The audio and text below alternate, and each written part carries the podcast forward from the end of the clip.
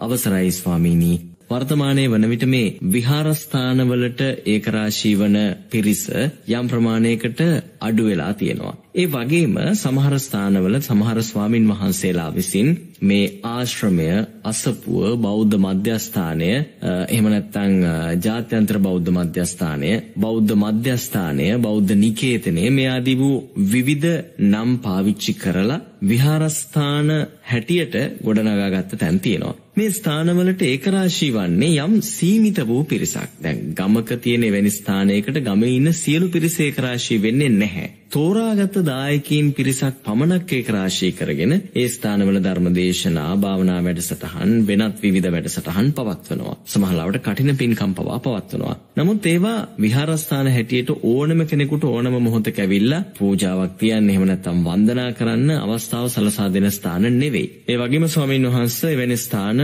දිනෙන් දින වර්ධනය වෙමින් තියෙන ආකාරයකුත් අපි දකිනවා. දැන් මෙන්න මේ කාරණාව ධර්මානුකූලව පැහැදිලි කරලා දෙන්න කියන එක තමයි වහන්සේගේ ඔබගෙන් අද දවසේ අපි ඉදිරිපත් කරන පළමු ගැටලුව. අවසරයි ස්වාමීනි. පින්වත් මහත්මයා මුලින්ම ධර්ම යාත්‍රා සාකච්ඡාවෙන් මට යොමු කරන ප්‍රශ්නය තමයි වර්තමානයේ විහාරස්ථාන තියෙනවා ආරණ්‍ය සේනවා ආරණ්‍ය සේනාසන තියෙනවා බෞද්ධ මධ්‍යස්ථාන තියෙනවා අසපු තියෙනවා මේ වගේ අප්‍රමාණ එක එක නම් වලින් හඳුන්වන ස්වාමින් වහන්සේලා වැඩ සිටින තැන් තියෙනවා නමුත් මේ සමහරක් දැන් අලුතෙන් අලුතෙන් බිහිවෙන තැන්වල ඒවා යම් පිරිසකට පමණක් සීමා කරගෙන ඒ සීමා කරගත්තා වූ පිරිසේ අයට පමණක් සිව්පසය පූජා කරන තැන්ට ධර්මය ශ්‍රවණය කරන තැන්ට මෙහෙම පත්වෙන තැන් සමාජයේ දවසින් දවස වැඩි වෙනවා මේ කාරණය ධර්මානුකූලව පහදා දෙන්න කියන කාරණයයි මහත්තයා මතක් කරන්න. එතොට මහත්තයෝ බුදුරජාණන් වහන්සේ යම් තැනක මහා සංගරත්නය වැඩහිටිනවනං ඒ මහා සංගරත්නය නිරතුරුව දක්ෂවෙන්න ඕනේ කාරණා හතරක් තුළින් ලෝකය දකින්න. ඒ කාරණා හතරක් තුළින් ලෝකය දැක්කොත් පමණයි. අපි චතුරාර්ය සත්‍ය තුළ ජීවත් වන ස්වාමින් වහන්සේ නමක් බවට පත්වෙන්. මොකොද අපි ඕනෑම කෙනෙක් ගිහි ජීවිතය අතහැරලා උතුම් පැවිදිභාවයට පත්වෙන්නේ ඒ උතුම් පැවිදිභාවයට අදාළ ගුණයන් අපේ ජීවිතවලට එකතු කරගන්න ඒව දරාගන්න. දේව දරාගන්න නම් බුදුරජාණන් වහන්සේ අපිට දේශනා කරනවා සුපටිපන්න ගුණේ අපි තුල තියෙන්න ඕනේ. උජුපටිපන්න ගුණේ අපි තුල තියෙන්න ඕනේ. ඥාය පටිපන්න ගුණේ අපි තුල තියෙන්න ඕනේ. සාමීච පටිපන්න ගුණේ අපි තුල තියෙන්න ඕනේ. එතකොට අපි උජුපටිපන්න ගුණයෙන් අපි නිරතුරුව හඳුන්වන්නේ ඍජු මාර්ගය වන දුකෙන් මිදීමේ ඍජු මාර්ගය වන ආර්යෂ්ටාංගික මාර්ගය තුල ගමන් කරන කෙනාටයි මහා සංඝයා කියලා කියන්නේ. ඒ නිසා අපි තේරුම් ගන්න ඕනේ සංඝ සමාජයේ අපි සෑම කෙනෙක්ම මේ උජුපටිපන්න ගුණය තුල ස්ථානගත වෙච්ච පිරිසක්. ඒ නිසා අපි නිරතුරු ආර්යෂ්ටාංගික මාර්ගය තුල අපි පසු වෙනවාද කියන සතිය සිහිය අපිට තියෙන්න ඕනේ. ඒ සතිය සිහිය තියෙනවා නම් නිරතුරුවම ඒ සතිය සිහියමයි අපිට සමාධිමත් හිතක් ඇති කළ දෙන්න. මොකද ආර්යෂ්ඨාංගික මාර්ගයේ අවසාන ඉලක්කය විදර්ශනාවට යන්න පෙරාතුව සම්මා සමාධිය. එතොට අපිට මේ සම්මා සමාධියට යන්න නම් අපි ඇලීම් ගැටීම් කියන කාරණයන්ගෙන් තොරව ලෝකය දකින්න ඕන. නමුත් අපි යම් පන්සලක් හදාගෙන විහාරස්ථානයක් හදාගෙන එමනැත්තං ධර්ම මධ්‍යස්ථානයක් හදාගෙන අසපුවක් හදාගෙන අපි අපිට පමණක් සීමා වූ පිරිසක් තෝරගෙන තමන්ට පමණක් සීමා වූ තමන්ට පමණක් වෙන්කරගත්තා වූ භාවනාවක් ඇවතුම් පැවතුම් තියාගෙන ඒ කටයුතු සංඝයා කරගෙන යනවනං අපි තේරුම් ගන්න ඕන එතනම ඇලීම සහ ගැටීම දෙකම තියෙනවා. එතන විවෘත භාවයක් නැහැ. තමන් ඇලුනා වූ තමන්ට කැමති වූ තමන්ට ගරු කරන්නා වූ තමන් පිළිගන්නා වූ ඒ ඇලීම තුළ සකස් වෙන පිරිසක් තමයි එතෙන්ට ස්ථානගත වෙලාතිී. එහෙම වුණොත් අපිට කවදාක්වත් සම්මා සමාධයක් කරාපේ පැවිද්ධ අරගෙන යන්න බැහැ. එනිසා බුදුරජාණන් වහන්සේ පැවිදි අපිට දේශනා කරන්නේ කාරණා හතරක් තුළින් ලෝකෙ දකින්න. එච්චරයි. දැම්මම් බුදුරජාණන් වහන්සේගේ ශ්‍රාවකේ ඒ ශ්‍රාවකය කැටියට මං කාරණා හතරක් තුළනෙවයි ලෝකෙ දකින්න. මොනවාදේ කාරණා හතර භික්‍ෂු භික්‍ෂුණී උපාසක උපාසිකා. ඔච්චරයි.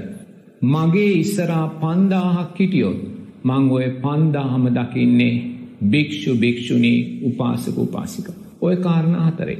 ආයිමත් මේ මගේ හිතවතා මේ මගේ අහිතවතා මේ මගේ දායකයා මේ මගේ දායකයා නොවන කෙනා එම නැත්තම් මෙයා ධනවතා මෙයා කුලවතා මෙයා බලවතා මෙයා නිලවතා එම නැත්තම් මෙයා දුප්පතා මෙයා හිංසකයා කියලා අපි සමාජය බෙදන්න ගියොත් අපි සමාජය කොටස් කරන්න ගියොත් මොකද අපිට වෙන්නේ අපි නිරතුරුවම ඇලීම් ගැටීම් දෙදිසාවට යොමුයෝ. ධනවත් කෙනාට ඇලෙන කෙනා ඇලීම් දිසාවට ගොයමනු. එයා දුප්පත් කෙනාට ගැටෙනවා. එහෙම පන්සල් තියෙන අපේ රටේ. ඒවා ධනවත් අයට පමණයි විවෘත. ඒක රට දන්නවා ජනතාව දන්නවා. ඒ ධනවත් භාවයට ඒගොල්ල ඇලුනා. නිලවත් භාවයට තෙදවත් භාවයට කුලවත් භාවයට ඇලෙනවා. එතකොට මොකද වෙන්නේ අහිංසකයාගේ දුප්පතාගේ පැත්තට ගැටෙනවා. එනිසා කවදාක්වත් ඒ පන්සල් මහා මහේෂාක්‍ය පන්සල් හැටියට තිබ්බා. ඒවා කවදාක්වත් ඒවෑ වැඩ සිටින ගෞරුවනය සාමීන් වහන්සේලාට සම්මා සමාධයක් කරා යන්න බැහැ. මොකද අපි ඒක කණ්ඩායමකට ඇලෙනවා. අපි බුදුරජාණන් වහන්සේට කීකරු බුදුරජාණන් වහන්සේ අපිට භික්‍ෂු භික්‍ෂුණී උපාසක උපාසිකා සිව්වනක් පිරිස හැටියට ලෝකය දකින්න කියද්දී අපි අපේ වුවමනා එපාකම් අපේ කැමැත්ත මත් අපි ලෝකය දකින. එනිසා අපි එක කණ්ඩායමකට ඇලෙනවා තව කණ්ඩායමකට දෙහෙ මුණොත් අපිට කවදාක්වත් සම්මා සමාධිමත් හිතක් කරා යන්න බැහැ. සම්මා සමාධිමත් හිතක් කරා යන්න බැරිනං අපිට විදර්ශනාව ගැන කතා කරන්න තේරුමක් නැහැ. ඒ නිසා අපි දක්ෂ වෙන්න ඕනි නිරතුරුව බුදුරජාණන් වහන්සේට කීකරුවෙන්. විහාරස්ථානයක් හදනවා වේවා පන්සලක් හදනවා වේවා ධර්ම මධ්‍යස්ථානයක් හදන වේවා අසපුවක් හදනවා වේවා අපි බුදුරජාණන් වහන්සේගේ ධර්මයට කීකරුවා ඒ කටයුතු සිද්ධ කරන්න ඕනේ. මම බුදුරජාණන් වහන්සේගේ ශ්‍රාවකයෙක් හැටියට. මම මුලින් කිව්වා මම ලෝකයේ දකින්නේ භික්ෂු භික්ෂුණී උපාසක උපාසික එච්චරයි. මං කොතනකවත් සංඝ සමාජයට ගියාට පස්සේ ස්වාමීන් වහන්සේගේ සීලය හෝ සීලේ දුර්වලභාවය මං හොයන්නේ නැහැ. ඒ ස්වාමීන් වහන්සේ මට කැමතිද අකමැතිද මාව විවේචනය කළාද නැද්ද කියන කාරණය මං හොයන්න යන්නේ ඒව මට අදාළ නෑ. ඒවා උනානං ඒවා මගේ සංස්කාර. ඒවා අතීත අකුසල් සංස්කාර. මගේ අතීත අකුසල් සංස්කාරයනකොට උන්වහන්සේ අලුත් සංස්කාරයන් රැස්කර එච්චරයි හේතු පල ධර්මයක්. එසා මම යම් ස්වාමීන් වහන්සේ කෙනෙක් ළඟට ගියානං මං අහන්නේ උන්වහන්සේගේ වස්කීයද කියෙන කාරණය විතරයි. මට වඩා එක තප්පරයක් උන්වහන්සේ වස්වලින් වැඩිනම් මං උන්වහන්සට වන්දනා කළ. ඒ වන්දනා කළේ සංඝයාට උන්වහන්සේට පෞද්ගලිකව නෙමේ. සංඝයා මුල් කරගෙන සංඝ සමාජයේ සාමාජිකයකුට මං වන්දනා.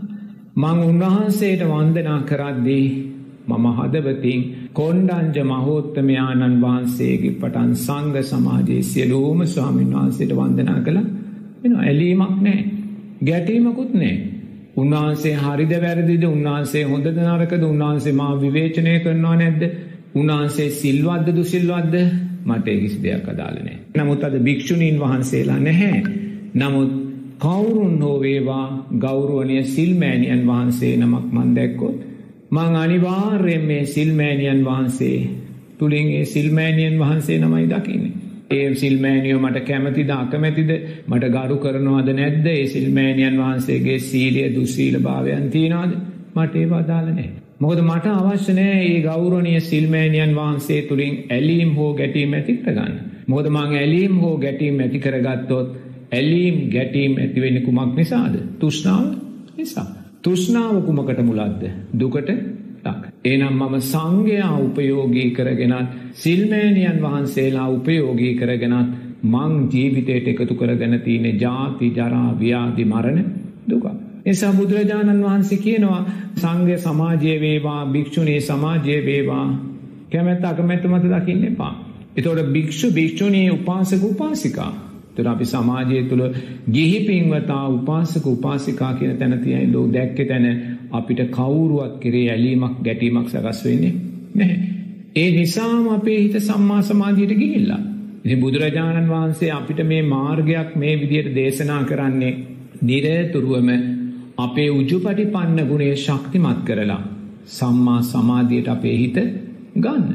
මොද සම්මා සමාධීට ගත්තොත් තමයි ඒ සමාධිමත් හිත උපයෝගී කරගෙන අපිට විදර්ශනාව කරා ඒ කියන්නේ ඥාය පටිපන්නක ගුණය කරා අපිට යන්න පුළුවන්.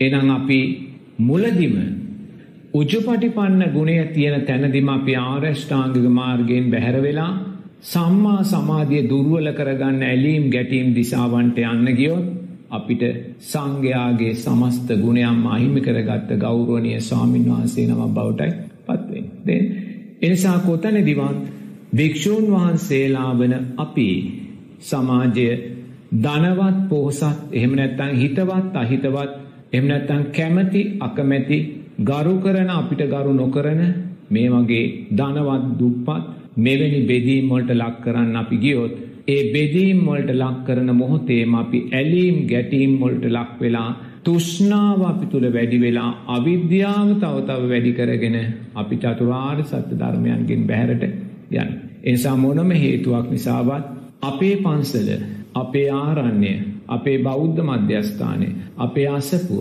මේ කිනම් නමකින් හැඳින්නුවත් ඒ සෑම තැනකම ගෞරවනීය ස්වාමින් වහන්සේලා වැඩ හිටිනවා නම් ඒ තැනට සිව් දිසාවෙන්ම එන ඕනෑම ගිහි කෙනෙකුට ඒක විවෘත වෙන්න ඕනේ. ආගමික බෞද්ධ අන්‍යාගමික කියන කාරණයක් අදාළ නැහැ. බෞද්ධ ස්ත්‍යානයක ක්‍රිස්තියානි කෙනෙකුට එන්න හින්දු කෙනෙකුට එන්න මුස්ලිම් කෙනෙකුට එන්න ඒගොල්ලෝ කැමති නම් ඒ අවස්ථාව තියෙන්න ඕනේ. ඒගොල්ලන් කැමති නම් ඒ අවස්ථාව තියෙන්න ඕනේ. ඒගොල්ලන්ට ඇවිල්ලා බලලා යන්නේ. ඒගොල්ලෝ වන්දනා කරන්නේ නැහැ. තෙරුවන්ට කෙරේ සද්ධාවෙන් එන්නේ නැහැ. ඒ නිසා බෞද්ධ මධ්‍යස්ථානයක් වේවා කවුරුන්නෝ ස්වාමින් වහන්සේ නමක් වැඩ සිටිනවා නම් යම් තැනක අනිවාර්යයෙන් මේ තැන සීමා කරගත්තා වූ පිරිසකට යොමු කිරීමෙන් කවදාක්වත් සම්මා සමාධියට අදාළ ධර්මතාවයන් වැඩෙන්නේ නැහැ. ඒ නිසා නිරතුරුවම අපි ආර්යෂ්ඨාංගික මාර්ගයේ ශක්තිමත්ව වඩා ගන්න නම් අපි වැඩ සිටින පන්සල ආරණ්‍ය බෞද්ධ මධ්‍යස්ථානය අසපුව මේ කිනම් නමකින් හැඳින්වුවත් එය හඳුන්වන තැනට මේ හතර දිසාවෙමින ජනතාවට ඇවිල්ලා ඒ වන්දනාමාන කටයුතු කරන්න සිව්පසේ නැපූ පස්ථාන ධර්මයන් සිද්ධ කරන්න අවස්ථාව තියෙන්න ඕනි. එතන තමයි බුදුරජාණන් වහන්සේට අපි දක්වන කීකරුභාවේ. නමුත් මේ බුදුරජාණන් වහන්සේට කීකරුභාවේ දක්වන්න නැතුව අපි අපේ කැමැත්තට අපේ දෘෂ්ටීන්ට අදාළව. අපි සීමා සහිත පිරිසක් පමණක් අප වටා තියාගත්තොත් ඒ තියාගන්න මොහොතේම අපි බරපතල ඇලීම් සහ බරපතල ගැටීම් දෙදිසාවටමයි ගමන් ගන්න. ඒ නිසා අපි තෘෂ්ණාව තුලයි ජීවත් වෙන්නේ. තෘෂ්ණාව තියෙන තැන අවිද්‍යාවමයි ශක්තිමත් වෙන්නේ. ඒ කියන්නේ අවිද්‍යාව ශක්තිමත් වෙන තැන අපි තව තව චතුරාර්ය සත්‍ය ධර්මයේ ආර්ථයන්ගෙන් බැහැරට ගිහිල්ලා ආර්ය ශ්‍රාංගික මාර්ගයේ දුර්වල කරගෙන එනිසා අපේ පැවිදි ජීවිතයේ උතුම් පැවිදි ගුණේනොත් අපි දුර්වල කරගන්න දිශාවට ගමන් කරනවා. අපිත් දැකලා තියෙනවා සමාජයේ යම් බෞද්ධ මධ්‍යස්ථාන ඔය ස්ටැන් තියෙනවා. ඒවයේ සීමා සහිත තෝරාගත් තමන්ට ගැළපෙන තමන්ට ගරු කරන එවැනි පිරිස් පමණයි එවැනි තැන් වලට යන්නේ මම හිතනවා මේක ධර්මානුකූලව බුදු දහමටවත් බුදුරජාන් වහන්සේගේ ධර්මයටත් එකඟ දෙයක් නෙමෙයි. ඒ නිසා අපි තේරුම් ගන්න ඕනේ අපේ දෘෂ්ටීන්ට අපේ කැමැත්තට අදාළව මේ ධර්මයන් සකස් කර ගන්න නැතුව දෙන්න ඒ පෞද්ගලික උවමනාමන් මත පෞද්ගලික හිතවත් යාළුකම් මත දායකකම් මත පන්සල් විහාර සීමා කරගන්නේ නැතුව බුදුරජාණන් වහන්සේ තෙරුවන් වැඩ සිටින යම් තැනක් වේද? ඒ තෙරුවන් වැඩ සිටින සැනට ඕනෑම කෙනෙකුට ඒ කියන්නේ පච්චත්තං වේතිතබ්බෝ ධර්මයේ ගුණයක්නේ තේන්න එයා ලස්සන වේවා කැත වේවා ධනවත් වේවා දුප්පත් වේවා කුලවත් වේවා කුලහීන වේවා උගත් වේවා නූගත් වේවා. මේ සෑම කෙනෙකුටම ධර්මයේ පොදුනම් ධර්මාබෝධය පොදුනම් තෙරුවන් කෙරේ සද්ධාව තියෙනවා නම් ඒ නිසා ඒ සෑම කෙනෙකුටම පන්සල ආරණ්‍ය අසපුව ධර්ම මධ්‍යස්ථානය මේ කිනම් නමකින් හැඳුන්නුවන්. සංඝයා වැඩ සිටිනවා නම් ඒ තැන ඒ සියලුම ගිහි පින්වතුන්ලාට පොදු තැනක් බවට පත් වෙන්න ඕනේ. අපි ඒ පොදු තැන අපි සීමා කරන්න ගියොත් අපේ කැමැත්ත මත අපි නිරතුරුවම ආර්යෂ්ඨාංගික මාර්ගයෙන් බැහැර දිසාවට ගමන් කරලා ඇලීම් ගැටීම් තුල දෝලණය වෙලා නිරතුරුවම සම්මා සමාධිය අහිමි කරගත්ත පිරිසක් බවටයි පත්වෙන්නේ කියන කාරණය බොහොම ගෞරවයෙන් මතක් කර දෙන්න ඕනේ. ස්වාමින් වහන්සේ අද දවසේ අවසාන ප්‍රශ්නය හැටියට ධර්මයාත්‍රා වැඩසටහනින් ඔබ වහන්සේගෙන් මා විමසන්නේ වර්තමානයේ වන විට මේ සමාජය තුළ යම් මතයක් නිර්මාණය වෙමින් තියෙනවා මේ දිව්‍ය ලෝකය සහ අපාය කියන කාරණාව පිළිබඳව. මේ දිව්‍ය ලෝකය සහ අපාය කියන එක වෙන කොහෙවත් තියෙන දෙයක් නෙවෙයි. අපි ජීවත් වෙන සමාජය ඇතුළෙමයි මේක තියෙන්නේ කියන එක බොහෝ අය සමාජයට එතු ගන්නවනට උත්සාහ කරනවා. මුදල් තියෙන යම් ආකාරයකට අපි සැප කියලා විශ්වාස කරන දේ විඳින අය තමයි දිව්‍ය සැප සම්පත් විඳින්නේ. එහෙම නැත්නම් දුක් විඳින අය තමයි අපායগামী වෙලා ඉන්නේ කියලා බොහෝ අය මේක විවරණය කරන්න උත්සාහ කරනවා. දැන් මෙන්න මේ කාරණාව පිළිබඳව අපිට පැහැදිලි විවරණයක් ලබා දෙන ස්වාමින් වහන්සේ මෙවැනි දේ සමාජගත කරන්නට උත්සාහ කරනකොට ඒක අපේ හිතට දැනුනොත් එහෙම අපි එයින් මිදෙන්නේ කොහොමද කියන එකත් අපිට පැහැදිලි කරලා දෙන්න කියලා වහන්සේගෙන් මේ මොහොතේ নমස්කාර පූර්වකව අපි ආරාධනා කර සිටිනවා. මෙහෙමයි මහත්තයෝ ප්‍රශ්නේදී මට කියන්න තියෙන්නේ බුදුරජාණන් වහන්සේගේ ශ්‍රාවකයෙක් ඇදියට දිව්‍ය ලෝක එහෙම නැත්නම් අපාය කියන කාරණේ මාත්‍යෝ මේ මට පෙන්වන්න පුළුවන් කමක් නැහැ. දිව්‍ය ලෝක සහ අපායන් තියෙනවාද කියන කාරණය යම් පින්වතෙක් දැනගන්න කාරණා දෙකකින් කරන්න පුළුවන්. එක තමයි ඒ පුද්ගලයා ආරෂ්ඨාංගික මාර්ගයේ ශක්තිමත් කරලා සම්මා සමාධිමත් හිතක් ඇති කරගෙන ඒ සම්මා සමාධිමත් හිතෙන් ධ්‍යාන මට්ටම් සකස් කරගෙන ඊළඟට ඒ ධ්‍යානගත හිතෙන් එයා පහළට ඇවිල්ලා එයා හිත මෙහෙවලා චතුූපපාත ඥාන పూర్වේ නිවාසානුස්සති ඥානයන්ට හිත යොමු කරලා එයා పూర్වේ නිවාසානුස්ති ඥානය, චතුූපපාත ඥානය ඇති කරගත්තොත් අන්න එයාට දකින්න පුළුවන් සත්වයා මැරිලා ඉපදෙන තැන්. ඔන්න එකක් ඈ. ඒ දේ ඇති කරගන්න නම් අනිවාර්යෙන්ම එයා සමාධිමත් හිතක් එයාට තියෙන්න ඕනේ. ඒ තුලින් එයා චතුූපපාත ඥාන పూర్වේ නිවාසානුස්ති ඥානය ලබලා සත්වයා මැරෙන ඉපදෙන ස්වභාවයන් නුවණින් දකින්න ඕනේ. සමාධිමත් හිතෙන් දකින්න ඕනේ. එහෙම දැක්කට පස්සේ යා අපාය පිළිගන්න. එයා සතර අපාය පිළිගන්න. එයා සත්වයෙක් මැරිලා, මිනිස්සෙක් මැරිලා, പ്രേත ලෝකයේ උපපාතික උපදින භවය දකිනවා තමා තුලින්. සත්වයෙක් මැරිලා යා නිරේ උපදින භවය තමා තුලින් දකිනවා. සත්වයෙක් මැරිලා යකෙක් යක්ෂණියක් වෙලා උපදිනවා එයා දකිනවා. තේරෙනවද? ඒ එක ස්වභාවයක්. ඒතකොට යාට සැකයක් නැහැ. එයා තමා තුලිනුයි නිරය දකින්නේ. ඒ වගේම එයා තමන්ගේ චුතුපපාත ඥාන තුලින් එයා දකිනවා කෙනෙක් මැරිලා දිව්‍ය තලයක දෙවියෙක් වෙලා උපදිනවා. එතකොට එයාට එනම් දිව්‍ය තල පිළිබඳ ප්‍රශ්නයක් නැහැ. එයා සැක හැර දැන ගන්නවා දිව්‍ය තල කියලා තැනකුත් තියෙනවා. නිරේ කියලා තැනකුත් එයාට ඒ පිළිබඳ සැකයක් නැහැ. විචිකිච්ඡාවක් නැහැ. ඊළඟට අපිට මේ සමාධිමත් සිතක් නැත්නම් අපිට ධානා මට්ටම් වලට ළඟා වෙන්න බැරි නම් පින්වතුනි අපිට චුතුපපාත ඥාන పూర్වේ නිවාසානුස ඥාන ගැන කතා කරලා වැඩක් නැහැ. එහෙම කෙනෙක් කොහොමද මේක විශ්වාස කරන්නේ? එහෙම කෙනෙක් විශ්වාස කරන්න ඕනේ තෙරුවන් කෙරෙහි සද්ධාවෙන්. ඒක හොඳට තේරුම් ගන්න. තෙරුවන් කෙරෙහි සද්ධාවෙන් ඒක විශ්වාස කරන්න ඕනේ. බුදුරජාණන් වහන්සේගේ සූත්‍රගත ධර්මය කියවල බුදුරජාණන් වහන්සේගේ ධර්මය දේශනා කරන ගෞරවනය ස්වාමීන් වහන්සේලාගේ සද්ධර්මය ශ්‍රවණය කරලා ඒවා නුවනින් මෙනෙහි කරලා අන්‍යයා දිව්‍ය ලෝක තියෙන බව සතරාපායක් තියෙන බව එයා පිළිගන්න. දැන් සූත්‍රගත ධර්මයේ තියෙනවනේ දෙවියන් පිළිබඳ තියෙනවා දිව්‍ය ලෝක පිළිබඳ තියෙනවා නිරය ගැන තියෙනවා සතරාපායන් ගැන තියෙනවා එතකොට ඒක තෙරුවන් කෙරෙහි සද්ධාවෙන් අපි ඒ දේතන පිළිගන්නවා. හරි? මොකද අපිට චතුූපපාත ඥාන పూర్වේ නිවාසානුසති ඥාන නැහැ. අපිට තියෙනවා නම් චතුූපපාත ඥාන పూర్වේ නිවාසානුසති ඥාන අන්න අපි සහසුද්දෙන් තමා තුලින් දකිනවා. නිරයක් දකිනවා, සතර අපායක් දකිනවා, දීපතලක් අපි දකිනවා. ඒතකොට සැකයක් පිටිකිච්චාම නැහැ. එහෙම නැත්නම් අපිට ඒ දිව්‍යතල පිළිබඳ නිරය පිළිබඳ විශ්වාස කරන්න වෙන්නේ තෙරුවන් කෙරෙහි සද්ධාව තුළ. බුදුරජාණන් වහන්සේ කියන නිසා අපි විශ්වාස කරනවා. අතීතයේ වැඩ සිටි ආර්යයන් වහන්සේලා කියන නිසා අපි විශ්වාස. ඒ විශ්වාසය මත පියනවා. ඒ විශ්වාසය මත ගිහිල්ලා තෙරුවන් කෙරේ සද්ධාවේ විශ්වාස මත ගිහිල්ලා අපි ආරෂ්ඨාංගික මාර්ගයේ ශක්තිමත් කරගෙන අපිට පුළුවන් අවශ්‍ය නම් සම්මා සමාධිමත් හිතකින් තමා තුළින්ම අනාගතේ මේ උතුම් ධර්මයන් චුතූපපාත ඥාන පූර්වේ නිවාසානුසි ඥාන තුළින් දකින්න. ඔන මාර්ග දෙක. එතොට ඔය මාර්ග දෙකෙන් අපි මේක දකින්න නැත්තං ඒනං ඉතින් අනිවාර්යෙන්ම අපි හිතනවනං නිරය තියෙන්නෙත් මනුස්සලෝකේ දිව්‍යලෝකෙ තියෙන්නෙත් මනුස්සලෝකේ කියලා අපි ඒකට කියන්නේ මිච්චා දෘෂ්ටිය කියලා. සම්මාධිට්්‍යයට පත්වෙලා නැහැ. තාම තෙරුවන් කෙරේ සද්ධාවට ඇවිල්ලා නැහැ. බුදුරජාණන් වහන්සේ දේශනා කලා වූ ධර්මය පිටිගන්න කෙනෙක් නෙමි. ඉති අන්න එහෙම කෙනා. එතොට එයා කොතන දන්නේ මිච්චා දෘෂ්ටිය තුළ. පෘතක්්‍යන භාවය තුළේ අයින්නේ. එතොට එයාට කොහෙත්ම විශ්වාසයන්න අ බුදුරජන් වහන්සේ දේශනා කරනවානේ භවතන්නා විබෝතන්නා. උදර භවතන්නාව කියලා කියන්න මොකක්ද. භවය කෙරේ ඇතිවෙන්න අවතුෂ්නාව.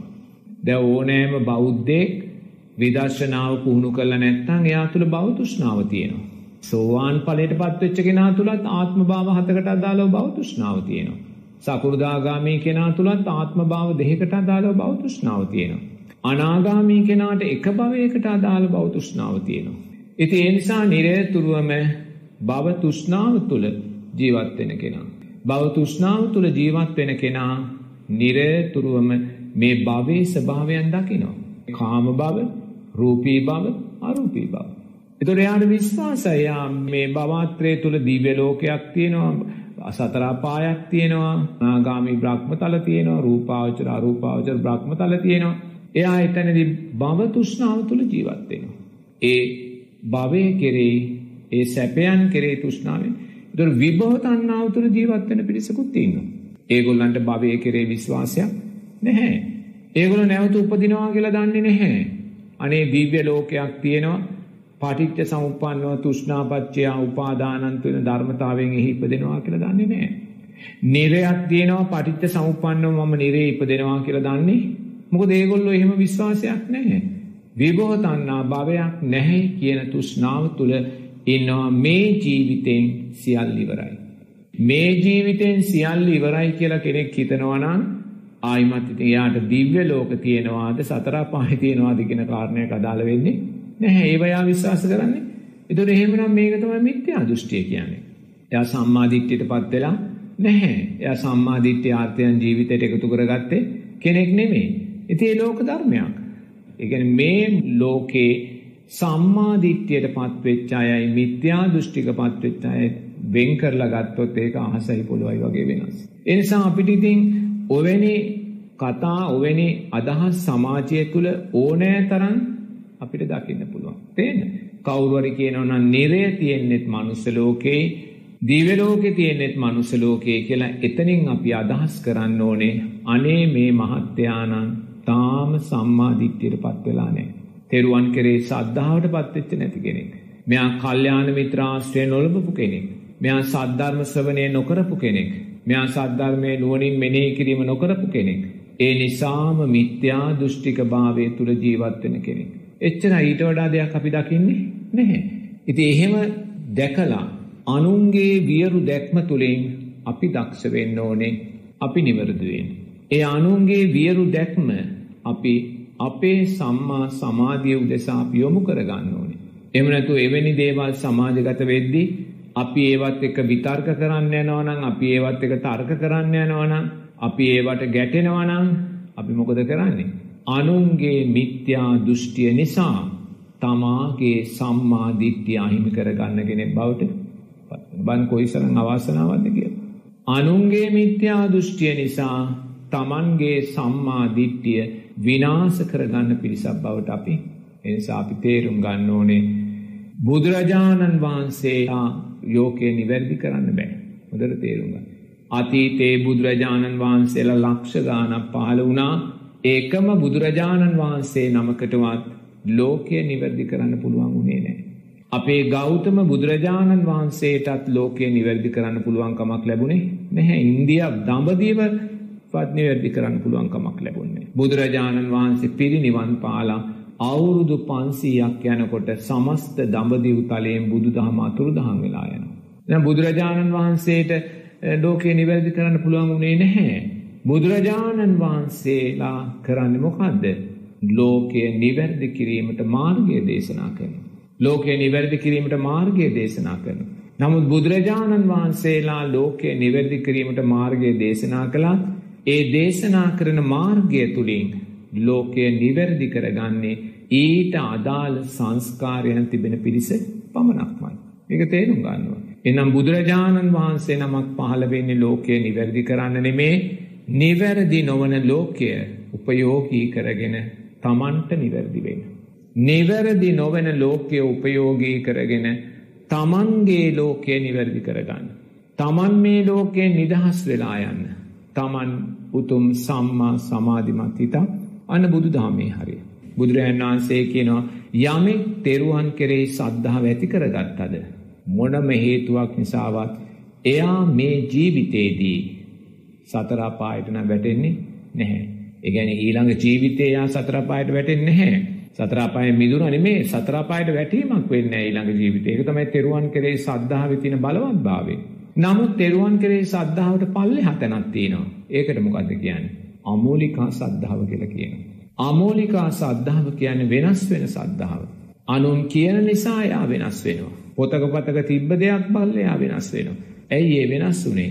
එයා අවබෝධයෙන් සරණ ගියේ නැහැ.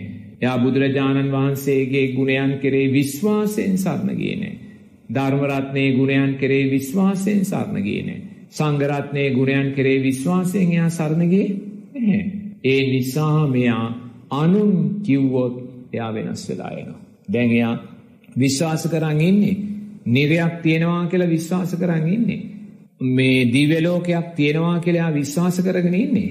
නමුත් කවුරුන්නෝ අසත්පුරුෂ යාළුවෙක් පාප මිත්‍රයෙක් එයාට මුණ ගැහිලා එයාට කියනවා මොන පිස්සුද දිව්‍ය ලෝක කොහෙද තියෙන දිව්‍ය ලෝකේ තියෙන්නේ මේ මනුස්ස ලෝකේ. ඔය සැප සම්පත් නිලතල බලතල විඳින මිනිස්සු දිහා බලන්න ඒවා තමයි දිව්‍ය ලෝක. ඒගොල්ලන්ගේ මහා මන්දිර දිහා බලන්න ඒව තමයි දිව්‍ය විමාන. ඒගොල්ලෝ ලබන සැපය දිහා බලන්න ඒව තමයි දිව්‍ය ඕජාව.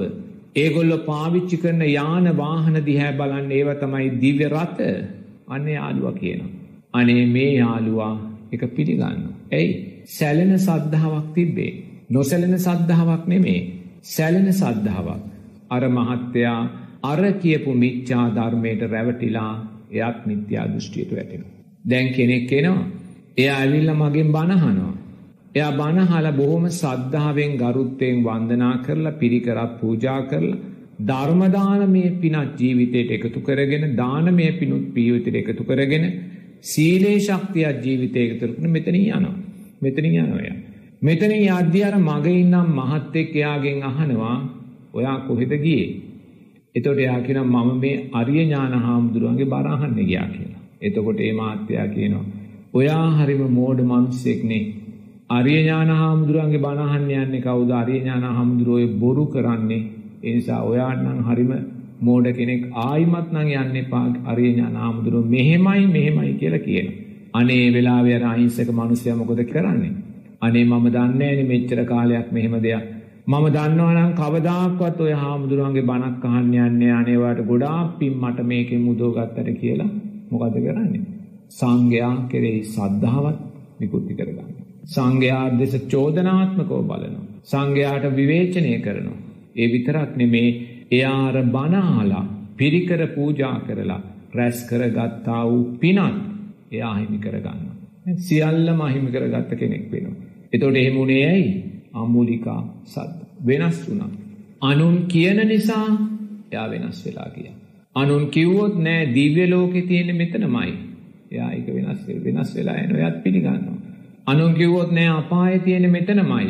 එයා එක පිළිගන්නවා. අනුන් නිසා වෙනස් වෙලා යනවා. අමූලිකා සද්ධාව. එතොට තව කෙනෙක් කෙනවා මගේ ළඟට බණහන්න. එයත් බණහනවා. එයත් පිරිකර පූජ කරනවා. එයත් සිල් පද පහ සමාදන් වෙලා එයත් යනවා. එයත් යැනකොට අර පුද්ගලයා මගේ ඉන්නවා.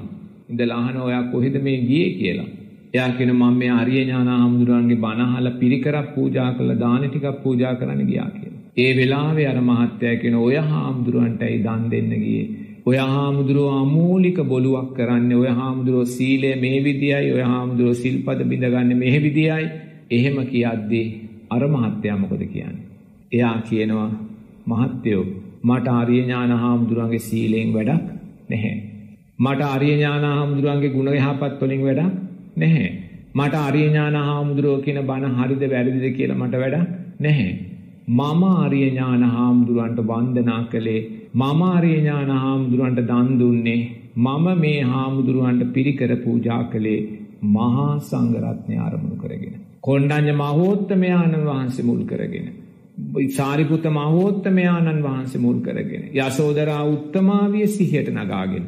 ඒ නිසා අරිය ඥාන හාමුදුරුවන්ගේ ඇත්ත නැත්ත මට අදාළ නැහැ. මං මහා සංඝයා ආරමුණු කරයි පූජා කළේ. එයා වෙනස් වුණාද? එයා වෙනස් වුණේ නැහැ.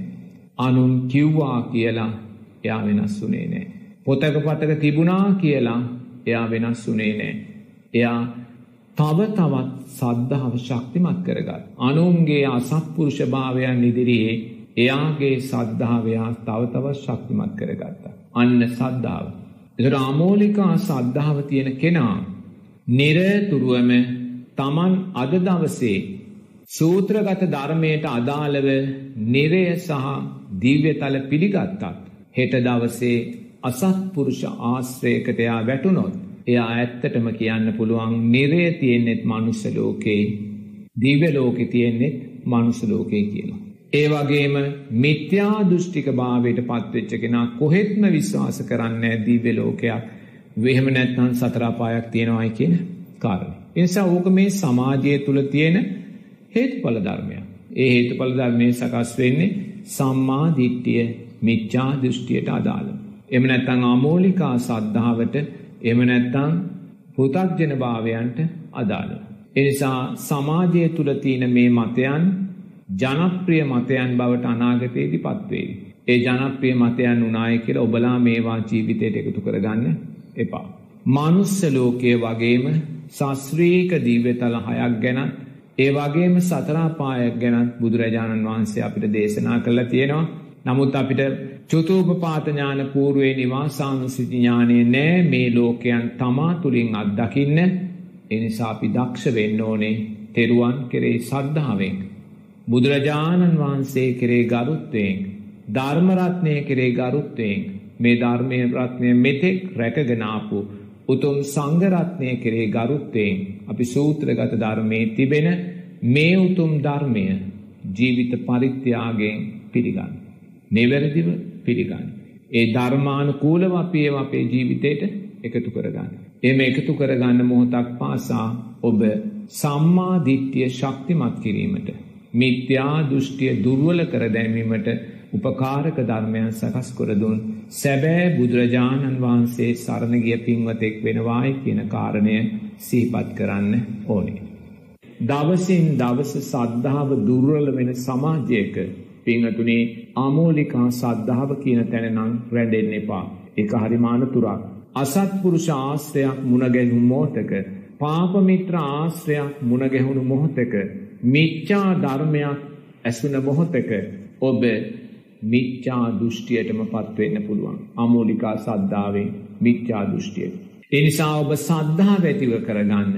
නොසැලෙන සද්ධාව වෙනස් නොවන සද්ධාව අවබෝධය තුළින් ඔබ ලබන සද්ධාව ආරෂ්ඨාංගික මාර්ගයේ අර්ථයන් තුළින් ඔබ ලබන සද්ධාව සම්මා සතියෙන් පෝෂණය වුණා වූ සද්ධාව ඔබ ඒ සද්ධාව ඇති කරගත්තොත් මේ ජීවිතයෙන් මැරෙන මොහොතේ නම් කවදාක්වත් ඔබ සතර පායට වැටෙන්නේ නැහැ එනිසා ඔබ දක්ෂ වෙන්න මේ ජීවිතයේ ඔබ ඇති කරගත්තා වූ මේ තෙරුවන් කෙරෙහි සද්ධාව පිංගතුනේ උතුම් අචල සද්ධාවක් බවට පත්කරගෙන මේ සම්මා සම්බුද්ධ ශාසනයෙන් ගන්න තියෙන සැබෑ අර්ථය ජීවිතයට එකතු කරගන්න. තෙරුවන් සරණයි.